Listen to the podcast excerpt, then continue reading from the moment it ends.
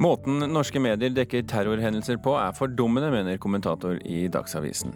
Redaktøren i Rana Blad legger seg flat og lover bedring. Den norske skuespilleren Christopher Hivju har en mindre, men avgjørende rolle i den eneste premierefilmen denne uken, Fast and Furious 8. Apropos film, jo vondere, jo bedre, tenkte videokunstneren da hun skulle lage sin første spillefilm.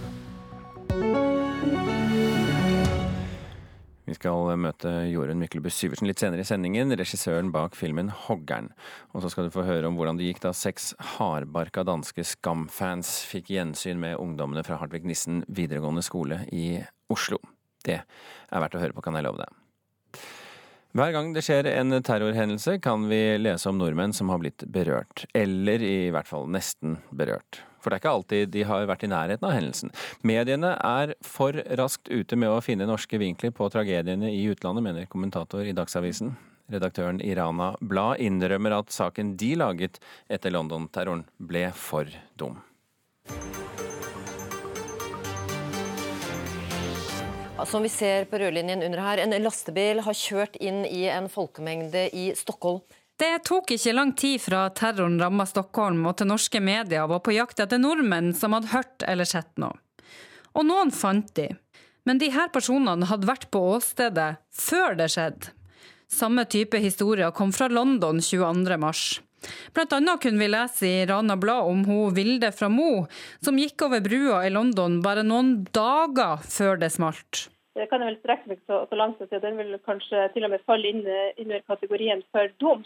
Sier Marit Ulriksen, sjefredaktør i Rana Blad, som var avisen som skrev om nettopp denne jenta på brua i London. For Det er selvfølgelig ikke, ikke nært nok, og det er ingen, ingen øyenvitneskildring. Og, og, og, heller ikke en beskrivelse av hvordan det har vært i nærheten av eh, enten det var parlamentsbygninga i London eller, eller Orleans i, i Stockholm. En sånn tittel, en sånn vinkling, det, det kommer vi ikke til å se i, i eh, vårt mediehus og på, verken på, på papir eller på, på, nett noensinne igjen. Men lokalt har også en verdi under store hendelser, sier Ulriksen. Dess nærmere man er, dess eh, sterkere kan, kan leserne relatere til det som, som, skjer. Og Det er klart det er også interessant for, for folk i, i Ranabladet å lese hvordan en, en forbipasserende stockholmer opplevde det her, men, men det gjør utvilsomt saken mer interessant hvis det er en en sånn folk som, som, folk kjenner eller, eller, vet om som har, har vært på plass. Sånn, sånn er det. Det sa sjefredaktør i Rana Blad, Marit Ulriksen, til reporter Kirsti Falk-Nielsen. David Stenerød, digitalleder i Dagsavisen, velkommen til Kulturnytt. Tusen takk. I en kommentar i din avis så, så, viser du deg kritisk til at norske medier henter terrorhendelser i utlandet hjem, på sett og vis, og gjør det til norske vinklinger altfor fort. Hva er det du tenker på da? Ja, Det er ikke helt sånn at de gjør det altfor fort, nødvendigvis, men eh, de trekker det altfor langt. Det er naturlig at man, eh, man tar eh, terrorhendelser hjem. Det er naturlig at man leter etter norske øyenvitner, norske berørte. Om dette får noen konsekvens for hvordan vi, vår beredskap er. Alt dette her som kan være relevant for oss å vite. Men når vi ikke finner det vi er på jakt etter, så tenker jeg at man bør gi seg og så ikke gå videre på jakt etter noen som kanskje nesten var der, eller var der i går. Eh, satt åtte kvartaler unna, eller eh, på en eller annen måte var i Sverige da det smalt. Men, men er dette et, et, fenomen som gjelder eh, hele det norske presset, mener du? Ja, altså det gjør jo det. Det er klart at det, det er litt større spillerom hvis du er en lokalavis til å ta sånne vinklinger, selv om jeg syns ikke spillerommet er så stort at du kan hente inn en Vilde som var der for noen dager siden.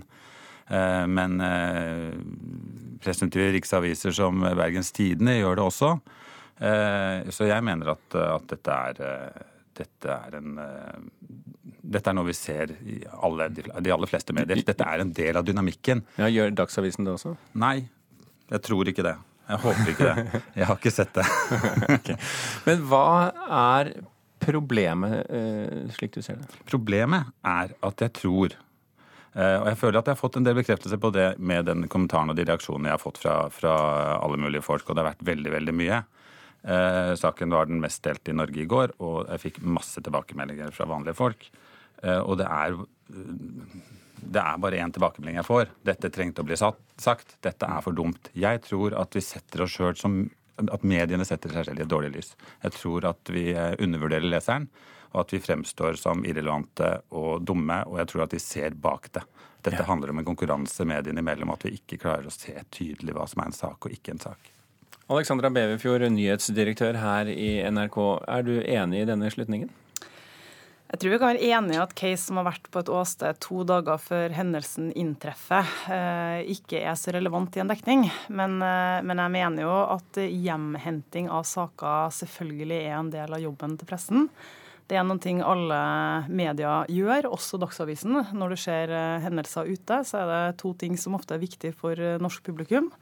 Det ene er å få avklart om det er nordmenn som er ramma, rett og slett. Og det andre er jo at man ønsker øyenvitneskildringer. Og har man da en eh, nordmann som har vært i området, så har det selvfølgelig en ekstra verdi for et norsk publikum, fordi det formidles på norsk, og det formidles jo da av en nordmann på sted. Nordmann på. Men, det han sier her, er jo at man går for langt ja. eh, og, holder, og, og, og, drar hele denne eh, tematikken for langt. Eh, kan du være enig i det, at pressen gjør det fra tid til annen? Ja, det finnes eksempler på det. Inkludert NRK? Ja, så Det finnes jo selvfølgelig eksempler på det. og sånn som det som nevnes her i innslaget med at man intervjuer noen som har vært på et sted to dager før, er ikke relevant. Men det er relevant å prate med nordmenn som har hørt hendelsen, selv om man har vært noen kvartaler unna, som er på stedet og som kan eh, rapportere derfra. Det mener jeg absolutt er relevant, og det er noen ting som alle medier også går for. og det men, men, men, men når, når, når, Stenerud her sier at mange av tilbakemeldingene han får, går på at uh, folk føler seg liksom, litt fordummet når de blir utsatt for den slags uh, type journalistikk, Eh, kan du skjønne det? Generelt sett så vil jeg si at det er stor interesse for hva som skjer med nordmenn uh, ute i verden, og det oppleves uh, relevant for publikum. Hvis nordmenn er ramma av store hendelser, så er det saker som vi ser uh, publikum er interessert i å lese. Mm. det er det ingen tvil om. Det oppleves som nærmere når det er nordmenn som rammes. Stenerud, eh, hvis jeg tolker deg riktig, eller, eller jeg, nå spør jeg strengt tatt om jeg tolker deg riktig, bidrar denne formen for journalistikk eh, til å skape mer engstelse her hjemme? Ja, Det tror jeg også. Nå handlet ikke kommentaren min om det, men, eh, men, Nei, men jeg spør likevel. Ja, jo, men det er liksom dimensjonene på dekningen. Dette bidrar til å øke dimensjonen på dekningen. Det blir, det blir fryktelig stort når, så, når, noe så smått og så perifert er en del av saken. Det sier noe om hvor stort vi syns dette er, og det skjer jo hver gang det, handler om terror. Fordi, men Det er en annen debatt, debatt, men jeg tenker at det er fire mennesker som har drept av en lastebil, som har kjørt en lastebil uh, i Sverige. Og, og, og, vi gjør det veldig stort, og det er ikke rart at det er mange barn som blir redde av det. Uh, Alexandra? For det første så, jeg, eh, så er jeg uenig i at det er sånn at norske case er dominerende i dekninga av store hendelser. Det er ikke det som er det vanlige. Det vanlige er at eh, norske case er et element i en dekning hvor det er mange saker. Og hvis vi ser på dekninga av terroren i Stockholm, så var det jo mange andre saker enn nordmenn i området som dominerte den dekninga, selvfølgelig. Når det gjelder det med eh, hvorvidt det skaper engstelse, så er det klart at vi, vår jobb er å rapportere det som skjer, også, eh, og selvfølgelig når det er et terrorangrep mot eh, en by i vårt naboland, så er det en stor, stor sak i Norge. Og så må jo vi som samfunn etterpå ta debatten om hvordan skal vi forholde oss til dette. Hva skal det utløse av sikkerhetstiltak, hvordan håndterer vi eventuell frykt hos barn osv. Men, men mediene kan ikke pakke inn den type hendelser. Det er ikke vår jobb. Vår jobb er å rapportere. Mm. Jeg hørte ikke meg selv si at vi skulle pakke inn uh, hendelsene. Nei, men uh, konsekvensen av Nei, å ta det med ja. men, men, har du noe håp Stenerud, for at uh, dette blir bedre, nå at pressen går i seg selv og tenker hm, vi må gjøre det annerledes neste gang? Jeg tenker kanskje at vi kan skrelle av oss det, det teiteste. Ja. Det tror jeg ville hjelpe litt. For det handler litt om medienes troverdighet. Det er jeg opptatt av. Uh, og det aller, aller, mest komiske helt i periferien her, det håper jeg at det, dette kan bidra til å skrelle bort. Ok, David Stenerud i Dagsavisen og Alexandra Beverfjord fra nyhetsavdelingen her i NRK, takk for at dere kom til Kulturnytt.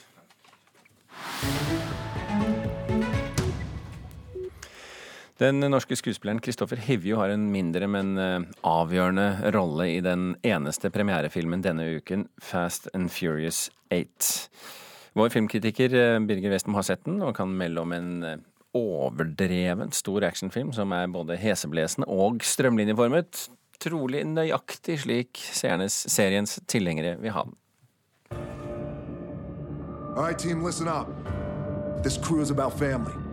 But the game has changed now. Fast and Furious-filmene har for lengst fjerna seg fra den realbaserte gatebilkulturen og blitt forvokste actionfilmer som starter over toppen og fortsetter oppover derifra. Fast and Furious 8 er på all måte en overdrevent stor actionfilm, der interaksjonen mellom de kjente figurene binder sammen noe som ligner en historie. Overraskende eller nyskapende er det ikke, men personlig har jeg slutta å vente mer fra Fast and Furious-serien. Regissør F. Gary Gray, kjent for bl.a. Forhandleren, Be Cool og Straight Out of Compton, har laga en heseblesende og strømlinjeforma film som gir den eksisterende fanskaren mer eller mindre det de kom for å se, men vil trolig ikke gi serien mange nye tilhengere. Dominic Toretto just went rogue. You gonna turn your back on family? Luke Hobbs, spilt av Dwayne Johnson, Letty, spilt av Michelle Rodriguez, og de andre i Fast and Furious-gjengen får et oppdrag av agenten Nobody, spilt av Kurt Russell, og hans nye assistent Little Nobody, spilt av Scott Eastwood. De må spore opp sin egen venn Dominic Toretto, spilt av Vin Diesel, som tilsynelatende har skifta side, og står i ledtog med hacker-terroristen Cypher, spilt av Charlize Theron, og hennes håndlanger Rhodes, spilt av Christopher Hivju. Gjengen får motvillig hjelp av Deckard Shaw, spilt av Jason Statham, samtidig som de leter etter grunnen til hvorfor Toretto har forrådt dem. I know it looks bad. Don't give up on him so easy. We've only got one chance to make this family whole again. Handlinga i Fast and Furious 8 beveger seg stadig med full forakt for realisme og troverdighet. Skal man ha det gøy med denne filmen, må man velge å tro på en lang rekke usannsynligheter og forenkla problemstillinger. Det som gjør denne filmen til passabel lavterskelunderholdning, er en vedvarende energi med en løssluppen morofaktor. Jeg kunne nok ha ønska at Fast and Furious 8 hadde et sterkere bånd til seriens gatebilrøtter, men de siste filmene har vokst såpass i format at det trolig er for seint å snu. Målsetninga ser ut til å være å gjøre serien større og større, helt til den sprekker. I will beat your ass like a Cherokee drum.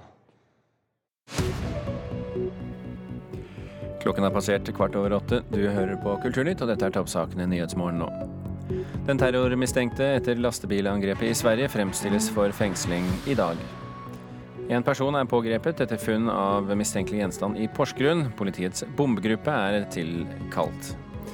Og det amerikanske flyselskapet United får kraftig kritikk etter at en passasjer ble skadd da han ble eskortert ut av et fly.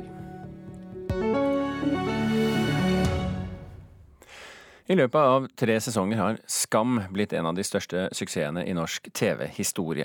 Og i går kom første klipp fra siste sesong, og fans fra hele verden ser nå på serien, og flere reiser til Oslo for å oppleve Skam på ekte. For seks dansker fra fangruppen Kosegruppa DK ble gårsdagen ekstra stor da de reiste Oslo rundt som Skam-turister. Yeah, this shit is about to go down. man. Ja, this shit is about to go down. I Oslo sitter seks dansker på nåler og venter på første klipp av siste sesong av Skam. Der, der. Så, nå, nå, nå. Er jeg sen? Danskene er en del av kosegruppa DK, Skams største utenlandske fangruppe, med nesten 43 000 medlemmer. Nå er seks av de i Oslo, på Skamtur for tredje gang. Første stopp er Sagene kirke. Den er jo åpen, tror jeg. Sier Simon Falk. Så vi tar bussen og drømmer om favorittlocation. Da jeg var i Oslo siste gang, der var jeg i Sagene kirke. Og da jeg kom inn, der begynner Orlet å spille. Og det var jo veldig sånn OK, hvem sitter der og, og, og kan se at jeg kommer inn?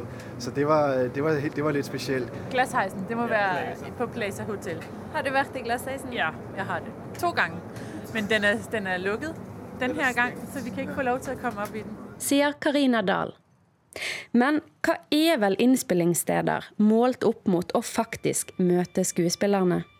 På ett bord i Oslo får gjengen et uplanlagt møte med Even, eller Henrik Holm, som han egentlig heter. Se, gutta boys. Ja, veldig, veldig, veldig, veldig, veldig. Det er jo så nydelig, det. Perfekt. Åh, herregud. herregud. jeg prøver ikke å være sånn eh, Nei, nei, ikke begrense deg selv. Nei, det er Det er det viktigste i livet. Ja, altså, vet du hva? Jeg tror at, at det her har vist meg at, at man skal bare gjøre det som man er glad i. Altså, om man vil, eh, om man vil komme opp her og liksom og, og, og se Oslo og, og, bare være på de her locations og, og bare se det. Altså, vi syns jo det er så gøy. Eh, og vi har jo et fellesskap nå som vi ikke ville ha hatt uten Skam. Så det, altså.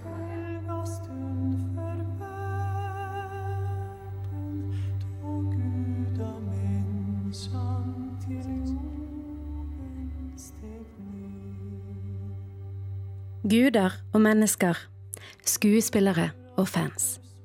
Men danskene de lar seg ikke vippe av pinnen.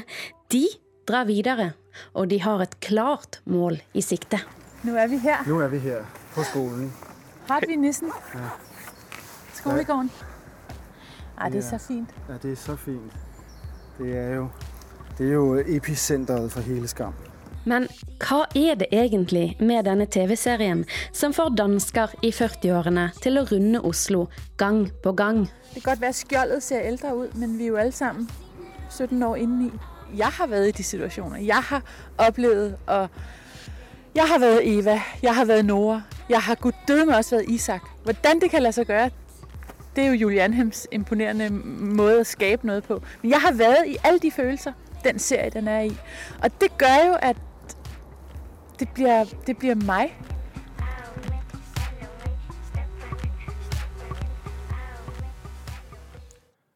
Reporter i denne saken, det var Hanna Huglen Revheim. Fenomenet påskekrim skal angivelig ha oppstått eh, på en helt spesifikk dato, 24.3.1923, og det var et PR-triks. Bergenstoget plyndret i natt, sto det med store bokstaver øverst på forsiden av Aftenposten. Det så ut som en nyhet, og så kunne man se, hvis man så nyheter, at det sto pris to kroner, Gyldendal, med liten skrift helt nederst til høyre. Men det var altså en reklame for en ny krimroman av Nordahl Grieg og Nils Lie. Litteraturkritiker Leif Ekle, det begynte altså med at folk ble lurt. Men er ikke det nettopp kjernen i krimsjangeren nå ved påsketider, at vi skal bli lurt? Jo, iallfall i noen eh, deler av sjangeren så er det jo det. Ja.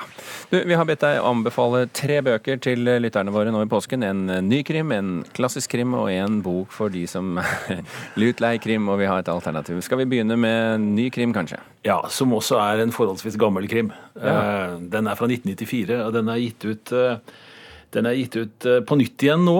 Det er en klassisk spionthriller, rett og slett. Så, så egentlig er det jo ikke en krim heller, men det er lov å ta med thrillere da, i, i påskekrimsammenheng. Ja. Det dreier seg om Lionel, Davidsons eh, 'Ravnen', eh, som eh, er en, en spionroman skrevet om den kalde krigen, det som skjedde før muren begynte å gå i oppløsning, og helt på tampen av det. Den kom altså ut i 1994. Eh, Sovjetunionen gikk jo ned i 92. Eh, Muren falt i 89, og, og, og handlingen i denne boka foregår vel på, på 80-tallet, da, slutten av 80-tallet, eh, i Sibir. Ja, klassisk, med andre ord. Ja, eh, og det er veldig kaldt, det er veldig mye is og det er veldig mye vær. Eh, Men det starter i London, eh, som en klassisk spionroman fra den tida ofte gjorde. Eh, Med at eh, en eh, professor ved navn Lazenby, hans sekretær, finner en tom konvolutt i posten. Det vil si den er ikke tom, det er to sigarettpapir som viser seg i konvolutten, som viser seg å være beskrevet med usynlig kode. Ja, hvorfor har du valgt akkurat denne, Leif? Fordi jeg leste den da den kom i 94 og mente den var veldig god. Og fordi den er veldig spennende. Og det er interessant at flere forlag flere steder i verden velger å gi den ut på nytt. Eh, Det er Pelikanen som gir ut den som sin første spenningsbok her i Norge.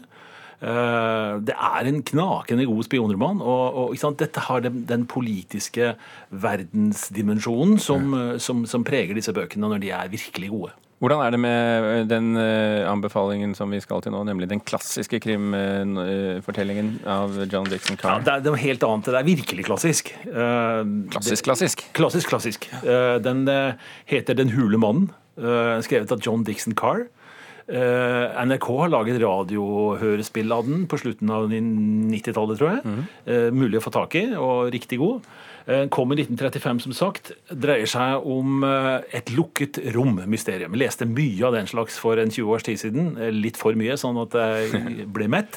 Men dette er nok det beste, etter min mening. Jeg har jo ikke lest alle, da, men et av de aller, aller beste som noen gang er skrevet av mesteren selv, John Dixon Carr. Ja. Den hule mannen. Den hule mannen Uh, handler om en mann som blir myrdet i sitt arbeidsværelse eh, av en antatt kjent person, men idet man går inn og finner eh, professor Grimaud skutt der inne, eh, så er det ingen, ikke noe våpen der. Det er eh, ingen morder der. Eh, alle vinduer og dører er lukket og låst, og snøen utenfor huset er uberørt av menneskefot. Så spørsmålet er hvordan kan dette ha foregått? Den er knakende god. Og løser man den før side 100, da er man god. Ja, ok. Og så til slutt, Leif, en bok for den som vil lese noe helt annet enn krim. Det er jo mange av dem også. Ja, det er mye å velge i. Veldig mye å velge i, så jeg måtte bare velge. Eh, Og jeg valgte å, å, å konse på en bok som, som eh, er fra i fjor. Den heter 'Et godt liv'. Den er skrevet av Jens M. Johansson. Eh, Jeg valgte den fordi den fikk litt mindre oppmerksomhet enn den kanskje fortjente, etter min mening. Det er en knakende god, sammensatt roman om undersøkelsen av et liv. Eh, en forfatter som får et svært materiale fra sin svigermor, avdøde svigermor i fanget, og, og begynner å, å, å, researche, grave i det, og finner at dette her er jo faktisk forberedt for at han skal skrive dette livet. Jeg valgte den også fordi jeg har vært i en sånn situasjon selv helt nylig. Det er et menneske som har vært med meg hele livet. Hadde veldig stort behov for å fortelle meg at livet har vært godt, til tross for at mye ikke var så bra.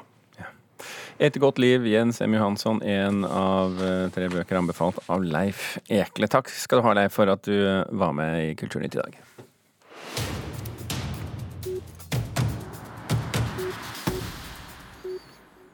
Før helgen hadde filmen 'Hoggern' premiere. I filmen kommer en eh, hovedperson tilbake til bygda i Hallingdal etter 20 år i byen uten stort å vise til. Ettersom historien skrider frem, avdekkes flere og flere svarte hendelser som forklarer hvorfor hovedpersonen Anders, i Anders Båsmo Christiansens figur, går formålsløst og planløst løs på skogen med øks. Ja, jeg, jeg har tatt, kjøpt meg øks, så jeg driver og hugger litt. Ja, du kan dette? Ja, jeg kan og kan. Jeg er jo ikke noen ekspert, men, eh, men Ja, det er helt tydelig, for at det kommer en bever oppi her. Og de var stua langt oppe og kakka og står. Det, men det er du, det, altså. Og da kan du faen ikke fortelle meg at du kan bruke ei øks. Du, du, du er en tulling. Velkommen til Kulturnytt, Jorunn Myklebust Syversen, regissøren her. Tusen takk. Hyggelig stemning han skaper her, onkel Bjarne. Ja, han gjør, eh, gjør det ofte. Han som spiller eh, onkel Bjarne her, han kjenner du. Ja, han er jo min kjære onkel, Som heter Bjarne. som heter Bjarne. Hvorfor valgte du han som onkel Bjarne i filmen? Du, jeg var eh, Hadde nok eh, liksom eh, en sånn jeg, jeg kjenner jo noen hallinger, siden jeg kommer derfra.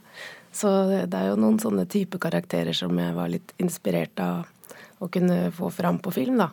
Men så var jeg på Kaffe Ras der oppe, eller spiste middag. Og da ga meg skikkelig god motstand på den rammefortellinga mi, og også kanskje at jeg skulle i et kunstprosjekt gå ut og hogge trær der uten mål og mening. Ja, For det gjør man ikke ustraffa. Nei, det gjør man ikke. Det er jo hærverk, og det er livsfarlig for en som ikke er skogsarbeider. Så Men han skulle passe seg, for nå ble han en del av filmen også. ja. Og han har sjøl sagt at han syns Han har liksom vært så hard med meg, for at han har ikke trodd på disse kunstprosjektene. Så Mm. nå måtte han for en gangs skyld være litt positiv og hjelpe til, da. Ja. Hvis han kunne det. Har han sett filmen, da? Ja. Ja, Hva syns han? Du, det er så gøy, for vi viste jo først filmen til dem før, det, før noen andre så, da. Og da var de så letta, tror jeg, over at det var litt mer tilgjengelig enn de hadde frykta. For du, har, du er jo videokunstner, utdannet videokunstner og har vel kanskje lagd vesentlig særere ting enn dette før? Ja, Og de har jo stilt opp dette på utstillinger, og, men kanskje ikke egentlig har visst helt hva de skulle si, og det er det jo ingen som gjør på åpninger, egentlig. Det er flere i familien din med her. Hvordan har det vært å jobbe med dem? Eh, helt fantastisk. De, jo, de, gir så mye av seg sjøl, og har virkelig gått inn i det med ja, så mye entusiasme. og Det har vært så morsomt å jobbe med dem. Så veldig takknemlig. Samtidig så har du jo sagt at eh, jo morsommere, jo vondere, og jo vondere, jo bedre. Hva har du utsatt disse folka for? Nei egentlig. Da er det kanskje Kristiansen, altså Båsmo Kristiansen som ja, får det meste. Ja, det er han som skal ha det ille. Mm. Og de andre skal bare ha det morsomt, da. Eh, men det var viktig det under opptak at vi virkelig hadde det gøy. Både for meg i forhold til å takle det og liksom jobbe med en så flink skuespiller, og også det å ha med amatører som er min egen familie. Det er jo noe sånn stress Eh, i den ramma. og så tenkte jeg med det spørsmålet også at de er jo i høyeste grad med på å gjøre livet til hovedfiguren Anders eh, vondere. Ja, det er de. Og det var jo absolutt eh, målet. Men jeg kunne ikke fortelle liksom for, for mye til dem eh, hvor ille de skulle bli, da. For da og så visste ikke de så mye om Anders sin egentlige historie. For da ville de få for mye empati med han, og da ville det kanskje ikke bli så, så hardt og godt spill, da. Var ikke dette egentlig meningen at det skulle bli en kortfilm? Jo. Lider du av et lengdesyndrom, du også? Lengdesyndrom Ja, jeg vet ikke. Det var egentlig det fordi vi jobba med eh, lange tagninger og improvisasjon, da. Mm. Så var det et eller annet jeg følte at det der sanseligheten, eller det som det kan gi, eh, ble liksom borte hvis jeg skulle klippe det ned til under en time. Mm. Så det var et dilemma vi satt med. Så, det, så, det, er altså Hoggern vi snakker om her. Filmen 'Hoggern', der Anders Båsmo Christiansen får gjennomgå, for å si det sånn, emosjonelt både på den ene og andre måten. Kulturnytt er eh, slutt. Eh, Myklebust Syversen, takk for at du kom til eh, oss. Og Thomas Alvarstein Ove og Birger Kolsrud Aasen, takker for at du hørte på. Nyhetsmorgen fortsetter etter dette.